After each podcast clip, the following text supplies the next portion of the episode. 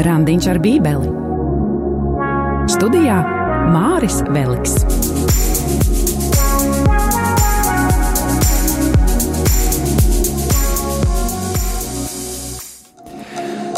Mateja evaņģēlijas, ko studēsim raidījumā Randiņš ar Bībeli visu šo sezonu. Kā tas ir radies? Vai varam šodien runāt par šī evaņģēlija izcelsmi, vai arī tā ir mistērija, kaut kas noslēpumā tīts un līdz galam neatbildams. Par šiem un citiem jautājumiem iesākot Mateja evaņģēlijas studijas šodienas raidījumā. Mans vārds ir Māris Veliks, esiet sveicināti!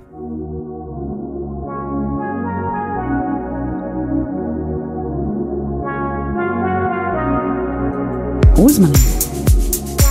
Raidījums vedot klausītāju pa Bībeles dzīļu, aizraujošajiem līkločiem, kur iespējams vēl nekad nav būts, var izraisīt nopietnu atkarību no privāta randiņa ar svētajiem rakstiem ikdienā.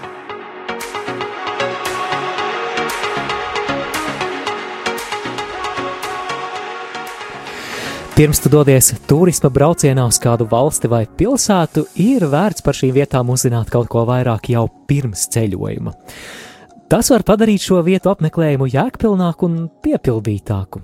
Galu galā, dodoties uz Parīzi, ir vērts zināt par Parīzes diamātes katedrāli vai efeļa torni, citādāk kaut ko būtisku varam palaist garām, vai vismaz nenovērtēt.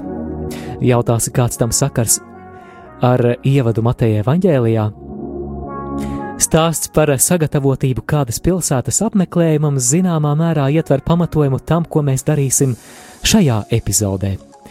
Proti, pirms mēs sāksim šo evaņģēliju secīgi lasīt un studēt, iepazīsim tā kontekstu. Centīsimies atbildēt uz svarīgiem jautājumiem, kā piemēram, kad šis evaņģēlijs ir uzrakstīts, kā šis evaņģēlijs ir uzrakstīts, kas ir tā autors, kāda ir šī evaņģēlija teksta struktūra, un visbeidzot arī par to, kādas ir galvenās Mateja evaņģēlija tēmas. Atbildes uz minētajiem jautājumiem mums iezīmēs kontekstu, kas vēlāk, lasot Mateja evaņģēliju, palīdzēs mums labāk saprast, kur mēs atrodamies. Gluži kā iepriekšējās elementāras pamatzināšanas par kādas vietas apmeklējumu var padarīt uzturēšanos tur saturīgāku. Tad, nu, pirms mēs veram vaļā durvis uz Mateja evaņģēliju, Raidījuma randiņš ar Bībeli otrās epizodes virsraksts, ko mēs zinām par Mateja evaņģēliju.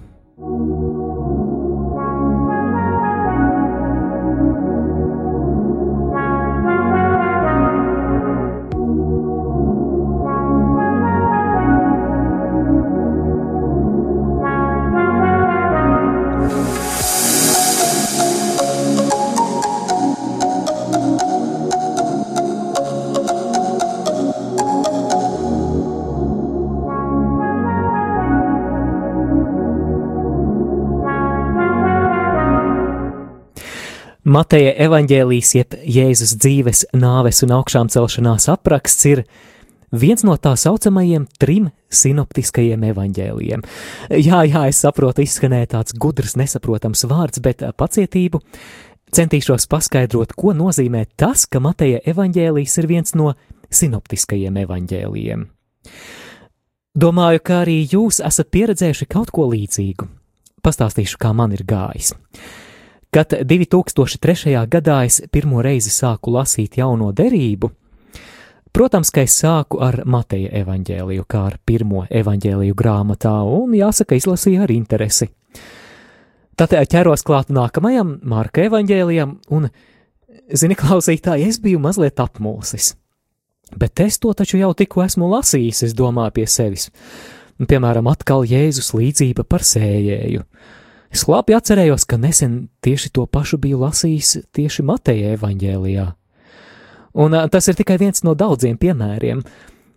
Mans apmulsums bija vēl lielāks, kad tiku līdz Lūkas evaņģēlijam. Un tur atkal līdzība par sējēju, un tur atkal stāsts par Jāni Kristītāju pie Jordānas, un tur atkal Jēzus kārdināšanas tuksnesī apraksts. Savukārt, kad sāku lasīt 4. Jāņa evaņģēliju, Šeit savukārt mani pārsteidza tas, cik atšķirīgi tas ir uzrakstīts. Atcerieties to prologu. Iesākumā bija vārds, un vārds bija pie dieva, un vārds bija dievs, un tā tālāk. Tikai krietni vēlāk uzzināja, ka pirmie trīs evaņģēlīji, Mateja evaņģēlijas, Marka evaņģēlijas un Lūkas evaņģēlijas, tiek saukti par sinoptiskajiem evaņģēlijiem. Un tam nav nekāda sakara ar sinoptiķiem, ar tiem, kuri prognozēja laika apstākļus. Nu, tas, tas gan bija varens joks. Es esmu sava humora lielākais cienītājs.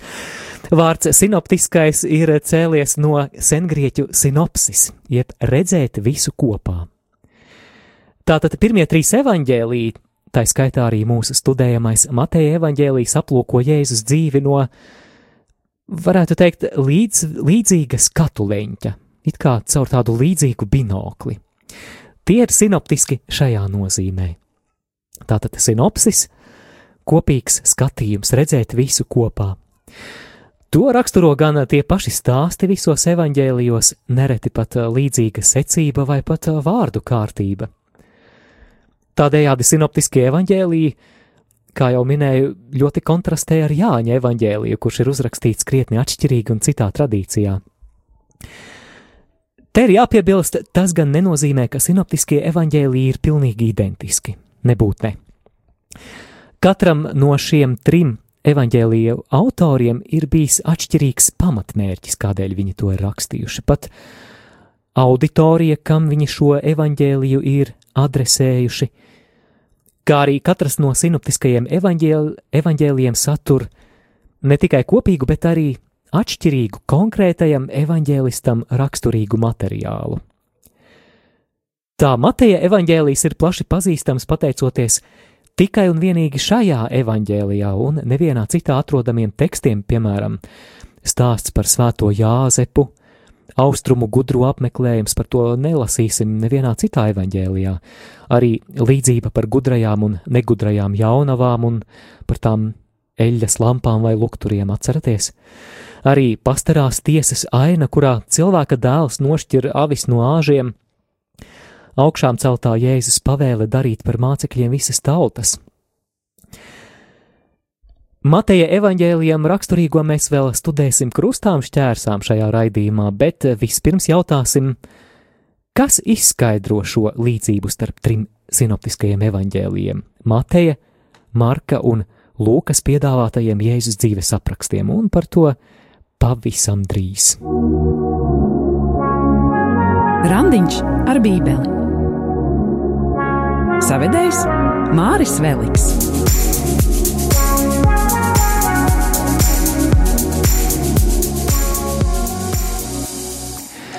Kas izskaidro šo līdzību starp trim sinoptiskajiem evaņģēlijiem - Mateja, Marka un Lūkas piedāvātajiem Jēzus dzīves aprakstiem? Viena no iespējamajām atbildēm meklējama mūsdienu biblistu vidū populārajā avotu teorijā. Pieņēmumā, ka visagrīnākais no evaņģēlijiem esot Marka evaņģēlijs. Savukārt Matejs un Lūka šo pirmo un visīsāko no evaņģēlijiem ir lietojuši kā avotu, rakstot savus evaņģēlijus. Citiem vārdiem sakot, Matejs un Lūka Marka evaņģēlija tekstu integrēja savējos, rediģēja un papildināja. Piemēram, ja Marka evaņģēlijs lielākoties balstīts uz narratīvu, jeb stāstījumu, piemēram, Jēzus gāja, Jēzus darīja, Jēzus izdziedināja, tad Matejs uzskatīja par svarīgu šo Marka stāstījumu papildināt ar Jēzus runām. Un mēs vēl raidījuma turpinājumā mazliet pieskārsimies tam, ka Mateja evaņģēlijā atrodamas piecas plašākas Jēzus runas.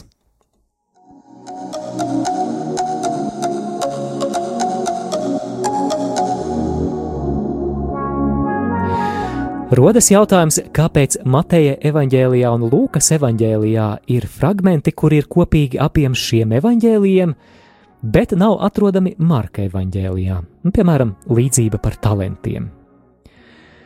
Vispopulārākais mūsdienu Bībeles pētnieku pieņēmums ir, ka abiem evaņģēlistiem, gan Matejam, gan Lūkam, kā kopīgs avots ir bijis pieejams nevien Marka evaņģēlijs, kā mēs nu pat to noskaidrojām, bet vēl kāds avots, ko biblisti dēvē par avotu kū.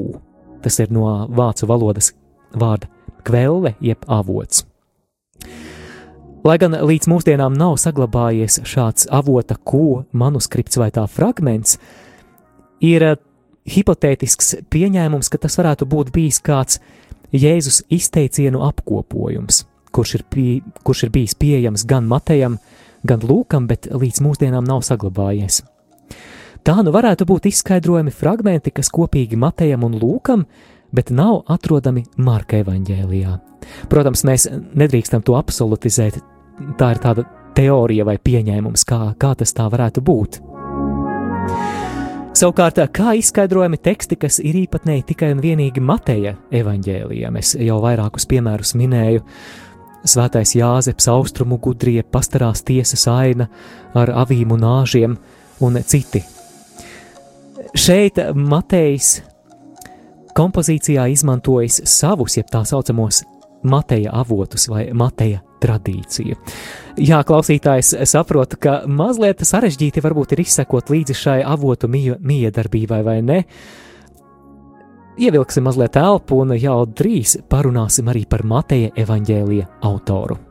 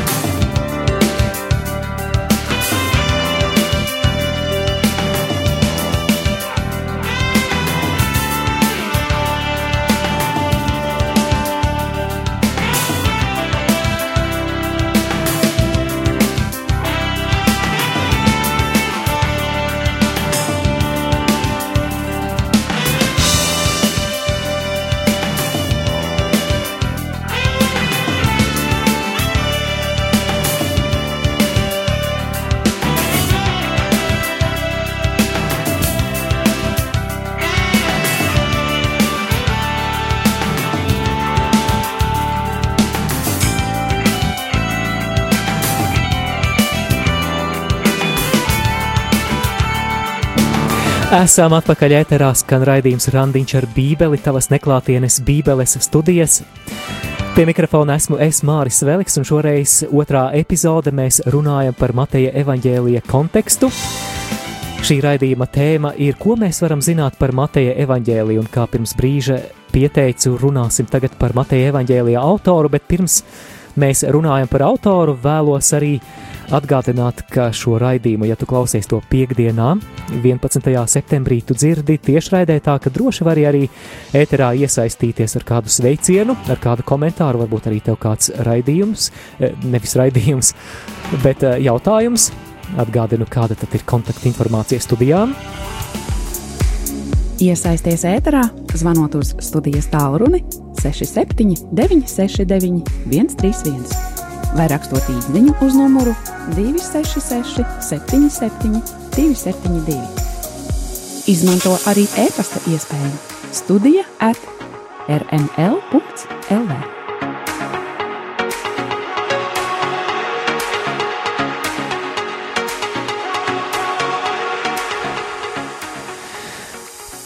Tad nu par Mateja evaņģēlija autoru.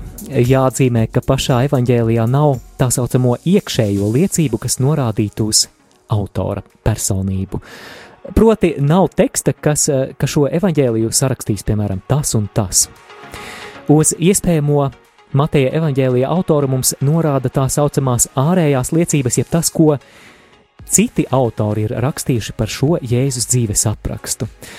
Un te jāpiezīmē, ka Teju vai visā baznīcas vēsturē līdz pat mūsdienām par šī evaņģēlija autoru vienbalsīgi ir ticis uzskatīts apustulis Matejs. Atcerēsimies, ko mēs par Mateju zinām no evaņģēlija tekstiem. Šis Matejs ir muitnieks. Mums mūsdienu latviešu valodā šis vārds pirmkārt asociējas ar ko? Muitnieks. Iespējams, ar robežām, vai ne? Nē, Matejs nav robežmuitnieks. Evanģēlijos ar vārdu muitnieks, jeb grieķiski telonēs, tika apzīmēti galvenokārt nodokļu ievācēji, drīzāk kaut kas starp vidu darbinieku un parādu piedzinēju. Jūdiem tā bija nīstama profesija, un kāpēc? Mazliet vēsturiskais konteksts. Palestīna Jēzus laikā bija daļa no Romas impērijas. Un kā jūs domājat, kā vairums jūdu uzlūkoja romiešu varu?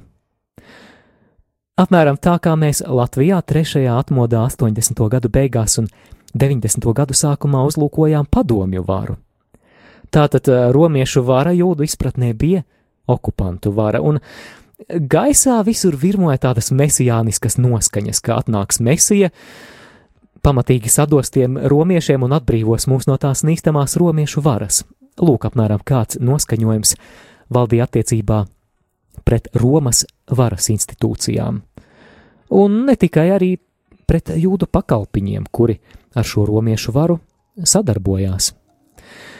Un šādi sadarboņi no ebreju vidus bija tieši muitnieki, Viņi iekasēja nodokļus no savas tautas pārstāvjiem priekš Romas varas un militārajām institūcijām, un, lai cik nīstama šķistu tā romiešu vara vilinājums strādāt ar naudu, varēja būt daļai visai pievilcīgs. Proti, ievāc nodoklīšus. Jā, protams, tautieši tevi aiz muguras lāda, bet toties, ja esi ievācis mazliet vairāk nekā paredzēts, pienākošos daļu atdot Romas varas iestādēm, bet kādu grasīti iemet arī savā krājkases cūciņā. Apostolis Matejs bija šīs profesijas pārstāvis. Mateja evanģēlijā 9.9. mēs lasām par to, kā Jēzus Mateju aicināja, satiekot šo cilvēku viņa iespējams ar korupcijas smārdu piesmakušajā darba ofisā. Tātad 9.9. lasām no paša Mateja evanģēlija,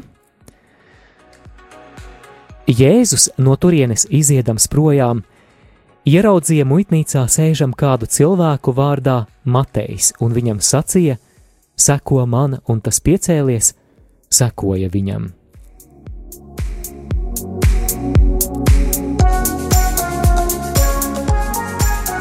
Agrīnie kristiešu autori, piemēram, Svētais Irenejs 2. gadsimtā, Origēns un Tertuliāns 3. gadsimtā un Svētais Hieronīms un Svētais Jānis Hrizostoms 4. gadsimtā un citi šo evaņģēliju ir piedēvējuši muitniekam apustulim Matejam. Arī senākie saglabājušies šī evaņģēlija manuskripti ievadā ietver dažādas variācijas norādēji kata Mathajon, jeb no Mateja, jeb saskaņā ar Mateju, ja tulkojam no sengrieķu valodas. Un mums nav zināma kāda cita agrīna tradīcija, kas piedāvātu alternatīvu versiju par šī evaņģēlija autoru. Tik tālu viss varētu šķist vienkārši, bet tā tikai līdz pašiem jaunākajiem laikiem.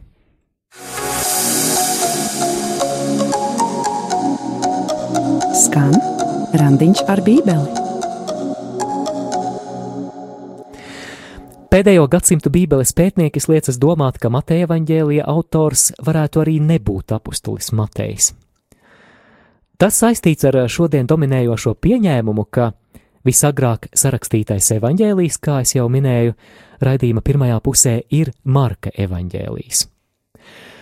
Jau runājām arī par to, ka tiek pieņemts, ka Mateja evaņģēlija autors Marka evaņģēliju ir lietojis kā vienu no avotiem savas grāmatas kompozīcijā, un Tas zinātniekus noved pie jautājuma, kādēļ gan Matejam, apustulim un Jēzus aculieciniekam būtu vajadzība kā avotu lietot evaņģēliju, kura autors ir neapustulis, tātad kurš nav tieši aculiecinieks, prota, proti Marka evaņģēlija.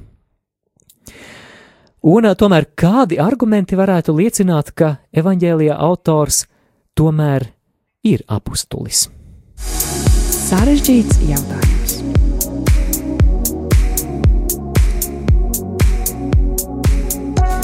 Evanģēlijā ir visai daudz atsauču uz naudu, uz nodokļiem. Atcerēsimies, kas bija apustulis Matejs. Muitnieks tātad nodokļu iekasētājs, cilvēks, kuram naudas lietas ir bijusi profesionālā sfēra. Atcerēsimies, piemēram, ka Mateja evanģēlijā mēs lasām par to, ka Jēzus maksā tempļa nodokli. No evaņģēlija teksta analīzes mēs varam izsecināt, ka autors ir bijis kāds, kurš visai labi pazīst jūdu svētos rakstus, veco derību, jo šajā evaņģēlijā ir daudz atsauču uz vecās derības tekstiem. Nereti, kā uzskata Bībeles pētnieki, vecās derības teksti šajā grāmatā tiek citēti nevis no tajā laikā izplatītās jūdu svēto rakstu grieķu versijas, jeb septogintas, bet no ebreju teksta. Un uh, ir maz ticams, ka to būtu darījis kāds neebreju izcelsmes autors. Jā, protams, protams, tas nav tiešs arguments, kas apliecinātu, ka Matejs ir autors, taču varam sacīt, ka Matejs visai labi atbilstu šādam autora aprakstam. Bet, eh, lai vai kā es raidījumā Randiņš ar Bībeli, šī evaņģēlijā autoru saukšu par Mateju. Tā vai citādi autora identitāte it nekā neietekmē šī evaņģēlija iedvesmotību. Mēs šim evaņģēlija tekstam raidījumā pieiesim kā svētam tekstam, kā dieva iedvesmotiem svētajiem rakstiem, kurā Dievs, izmantojot cilvēku kā autoru, ir atklājis būtiskas patiesības par Jēzu Kristu, savu dēlu un par viņa mācību. Tātad šī evaņģēlija rindas ir svētā gara iedvestas, un ja mēs ticībā pieņemam šo vārdu, tad svētais gars ar šī vārda starpniecību maina mūsu dzīves. thank you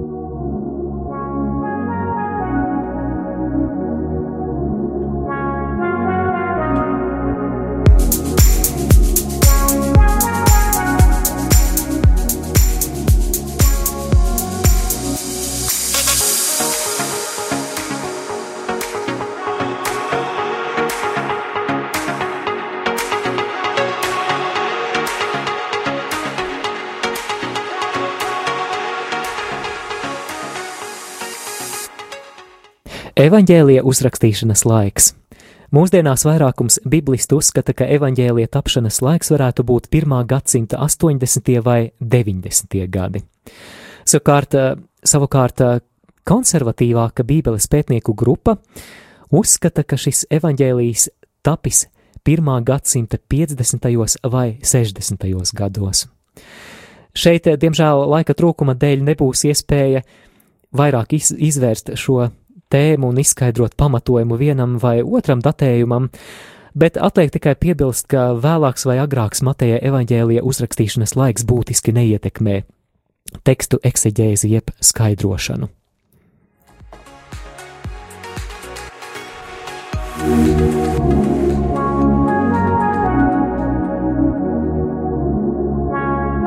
Teksta struktūra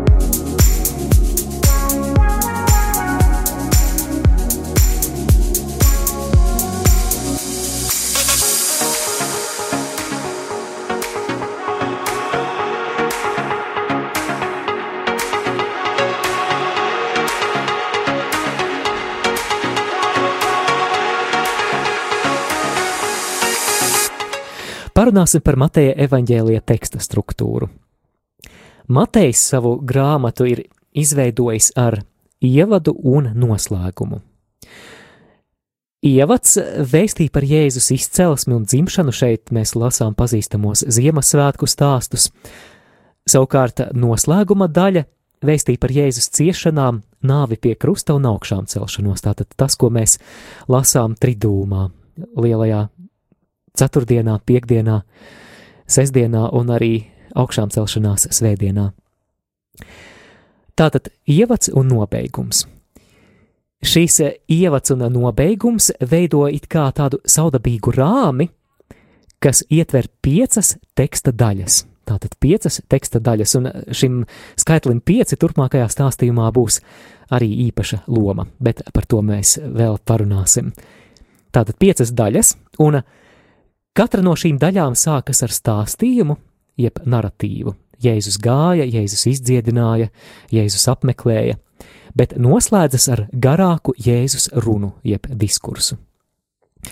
Un, dārgo klausītāji, kas man šķiet ļoti interesanti, šāda piecdaļīgā teksta struktūra nav nejaušība, un centīšos paskaidrot, kā tas darbojas. Tātad ievads, jeb pirmās trīs nodaļas, Mateja evaņģēlijā it kā sagatavo kontekstu visam turpmākajam. Šeit uh, Vispirms, pirmajās lapusēs Matejs piedāvā Jēzus cilts rakstus, mēs par to runāsim jau pēc nedēļas nākamajā raidījumā, un caur to Jē, tātad Matejs parāda, ka, ka Jēzus ir Ābrahama dēls, Dāvida dēls, tātad viņš pārstāv Dāvida ķēni, šo karalisko dinastiju, un mēs zinām apsolījumus, ka Mesijam ir jānāk tieši no Dāvida cilts.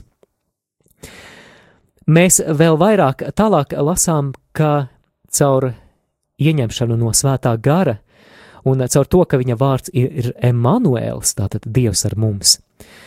Matejs parāda, ka Jēzus ir Dievs mūsu vidū, Dievs kļuvis cilvēks. Bet ir vēl kāds interesants aspekts. Te mēs joprojām atceramies, ka runāju par ievadaļu. Vēl ievadaļā Matejs vēlas parādīt, ka Jēzus ir arī jaunais mūzus. Un te ir vairākas paralēles tekstā. Gluži kā Mūzus, Jēzus izceļo no Ēģiptes, viņš šķērso kristības ūdeņus. Atceramies uh, sarkanās jūras šķērsošanu. Jēzus uzturas tuksnesī 40 dienas, gluži kā Mūzes uzturējās kalnā, un Jēzus arī vēlāk uzkāpa kalnā, lai pasludinātu savu jauno mācību. Tātad Matejs caur šīm niansēm, kurām mēs viegli varam paskriet garām, ja mēs nesaprotam to, to ebreju domāšanas loģiku tajā laikā, caur to Matejs parāda, ka Jēzus ir jaunais Mūzus, ka viņš ir tas apsolītais pravietis, kas būs lielāks nekā Mūzus. Mēs lasām šādu pravietojumu 5. mūzes grāmatā, 18. nodaļā, jeb atkārtotā likuma grāmatā. Šī paralēle starp Jēzu un Mūzu arī dzen izskaidro, kāpēc Matejs ir strukturējis savu grāmatu tieši piecās daļās katrai noslēdzoties ar Jēzus mācību garākas runas formā. Klausītāji, ko tev atgādina šis skaitlis pieci, ja mēs atceramies līdzību ar mūzu?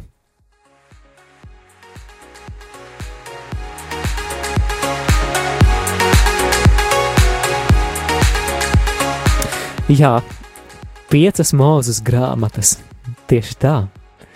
Jeb ebrejiski Tora, grieķiski pentateiks. Tātad piecas mūzes grāmatas, kas bija jūda vecās derības pats kodols, pats pamats. Ar to te tiek parādīts, ka Jēzus ir jaunās derības autoritatīvais mācītājs, kurš piepilda Toras, jeb piecu mūzes grāmatu stāstu. Fascinējoši. Pēc mūzikas pauzes mēs parunāsim arī par eh, galvenajām tēmām Mateja evaņģēlijā.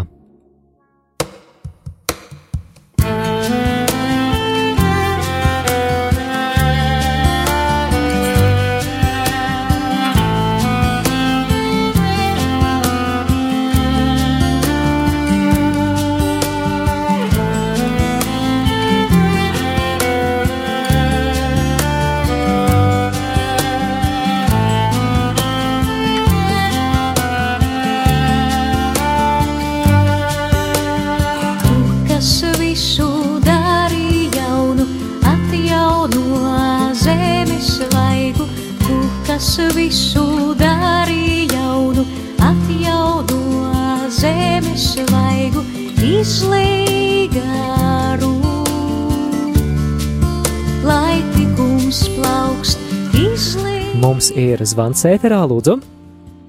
Slavēts Jēzus Kristus. Mūžīgi mūžos slavēts. Es tagad ēterā esmu. Jūs esat ēterā, jā. Man skaitlis pieci atgādina varakļānus. Varakļānus, ah, jā, ir tā slavenā dziesma par varakļāniem 5-5. Paldies liels! Izlīgaru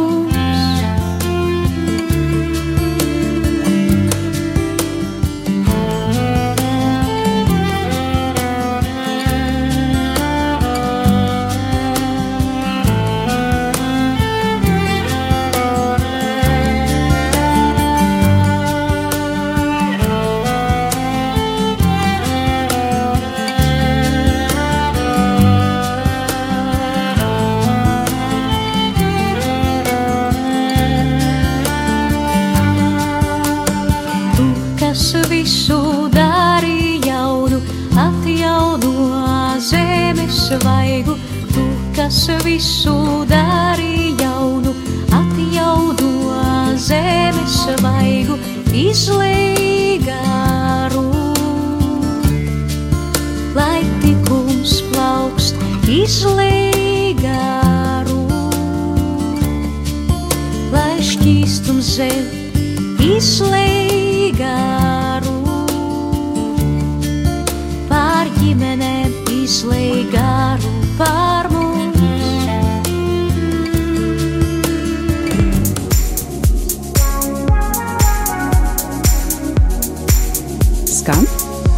Randiņš ar Bībeli.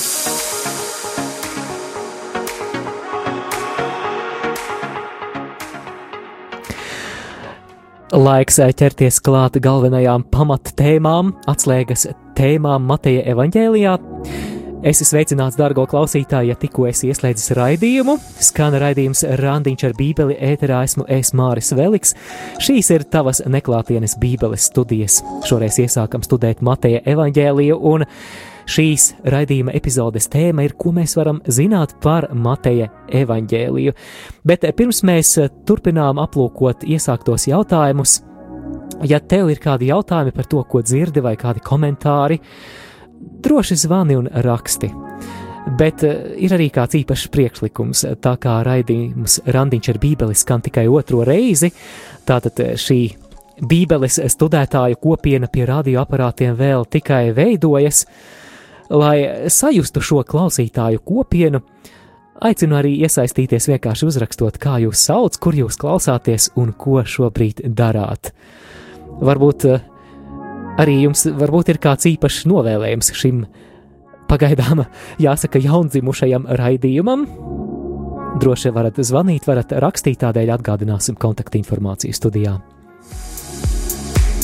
Iesaisties ēterā, zvanot uz studijas tālruni 67, 969, 131 vai rakstot īsiņu uz numuru 266, 77, 272.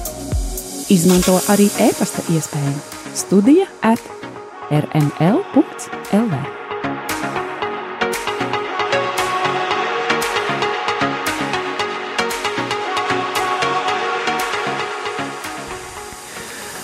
Mateja evaņģēlīja galvenās tēmas. Mateja evaņģēlījis ir uh, valstības evaņģēlījis. Šī evaņģēlīja tēma ir rezumējama Jēzus vārdos: debesu valstība ir klāta.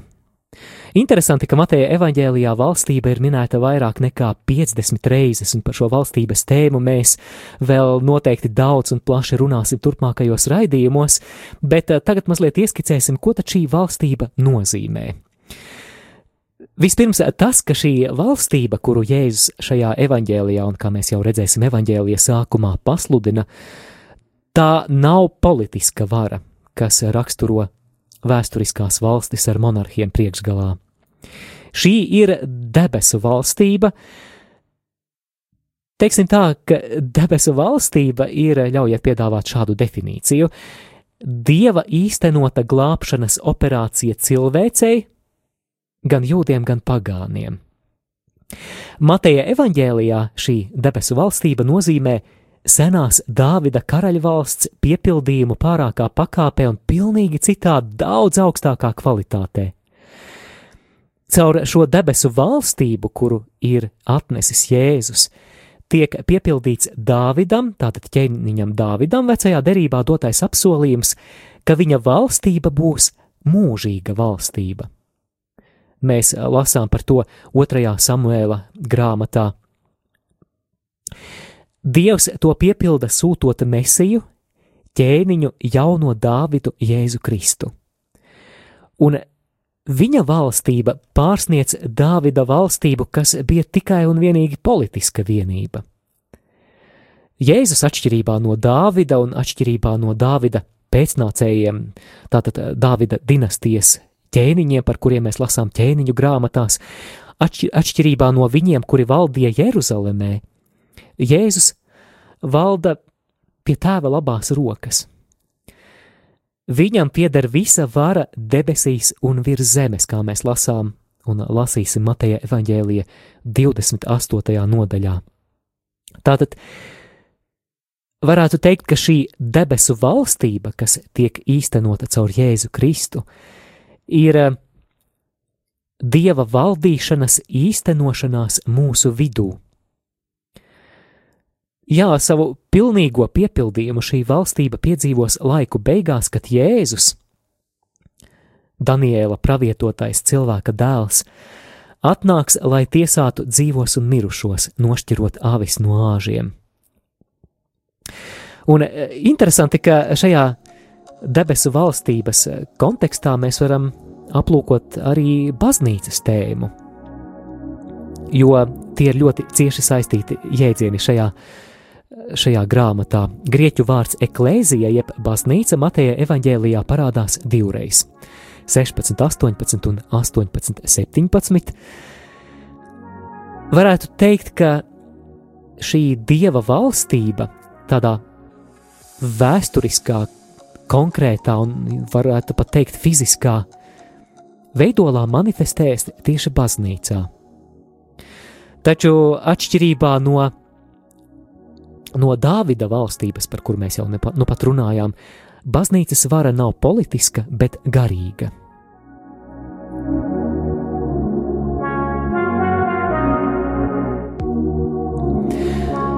Ar valstības tēmu cieši saistīta ir arī māceklības tēma Mateja evaņģēlijā. Tātad Mateja vīzija par šo debesu valstību, kas ir nonākusi zemes virsū, protams, ietver arī noteiktus principus, kā šajā valstībā dzīvot.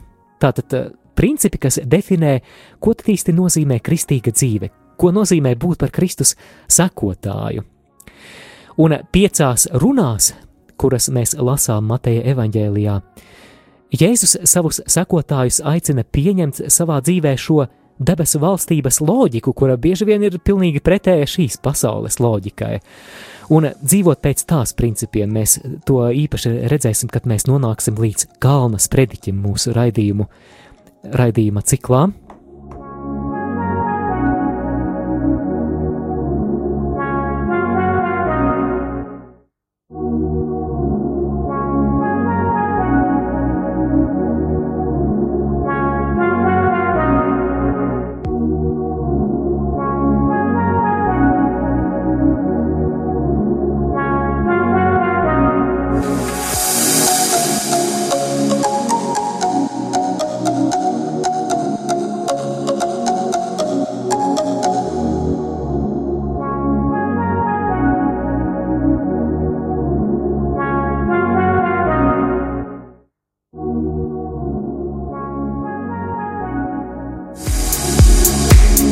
Iesaisties ēterā, zvanot uz studijas tālruni 67 969 131 vai rakstot īsiņu uz numuru 266 77 272.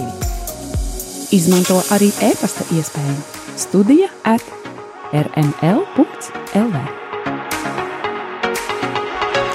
Nu, ko, darbie klausītāji, vārds jums nolasīšu īsiņas, kas ir sasniegušas radio Marijas studiju. Lai slavēts Jēzus Kristus. Esmu Aija, Ādama meita no Siguldas laukiem. Šo raidījumu dzirdu pirmo reizi, ceru, ka būs Radio Marija Latvija arhīvā. Šīs sezonas raidījumi tur vēl nav. Jā, paldies, Aija, lai svētīta nedēļas nogale un noteikti, noteikti arī šie raidījumi būs noklausāmi jebkurā laikā arhīvā. Arī no Anitas esam saņēmuši kādu īziņu. Slavēts Jēzus Kristus! Es klausos paralēli strādājot, tādēļ, diemžēl, sanāk novērsties. Ļoti ceru, ka man radīsies šī Judītes piesauktā atkarība no Bībeles lasīšanas. Paldies, Māri, par raidījumu. Ar mīlestību, Anita. Paldies, Anita. Paldies. Un arī Biruta mums ir uzrakstījusi. Ar lielu interesi gaidīju šo raidījumu, tāpēc vēlreiz izlasīju Mateja evaņģēliju, lai labāk izprastu to. Paldies, Biruta! Paldies, Biruta, jūs man iedvesmojat! Rekā, ja kāds cilvēks ir izlasījis Mateja evaņģēliju, lai gatavotos šim raidījumam, tad tas mani tikai motivē censties. Paldies jums! Patiešām šajā raidījumā Randiņš ar Bībeli es esmu tikai savedējis, un mans mērķis ir savest tevi kopā ar svētajiem rakstiem, lai ikdienā tu spētu izbaudīt īsākus vai garākus privātus randiņus ar Bībeli. Gluži kā šorīt mani ļoti iepriecināja, kad es braucu vilcienā un starp citu arī lasīju svētos rakstus. Es eh, ievēroju, ka kāda cita pasažiere vilcienā arī atvērusi Bībeli, lasa un pat bloknotiņā kaut ko konspektē. Fantastiski! Jo vairāk mēs atgriezīsimies pie Dieva vārda, jo vairāk, vairāk mēs arī sabiedriskajā transportā redzēsim cilvēkus, kuri drosmīgi lasa mieram tuvu vai lasa savas bībeles, jo, jo piepildītākas būs mūsu sirdis ar Dieva vārdu. Bet eh, šajā brīdī es saku tev, dārgo klausītāji, paldies! Šajā raidījumā mēs aplūkojām Mateja evaņģēlīja kontekstu. Mēs runājām gan par Mateja evaņģēlīja kompozīciju, par iespējamo autoru, par uzrakstīšanas laiku, par Mateja evaņģēlīja struktūru, par galvenajām atslēgas tēmām. Ar to arī noslēdzam raidījuma otro epizodi, ko mēs varam zināt par Mateja evaņģēliju. Un jau nākamreiz šajā pašā laikā mēs turpināsim ar Mateja evaņģēlija pirmo nodaļu, kurā centīšos pierādīt, ka šķietami visgarlaicīgākā Mateja evaņģēlija daļa, Jēzus cils, cilts raksti, patiesībā ir satriecoši aizraujoša lieta, ja mēs izpētām kontekstu. Ar jums kopā biju es, Māris Veliks.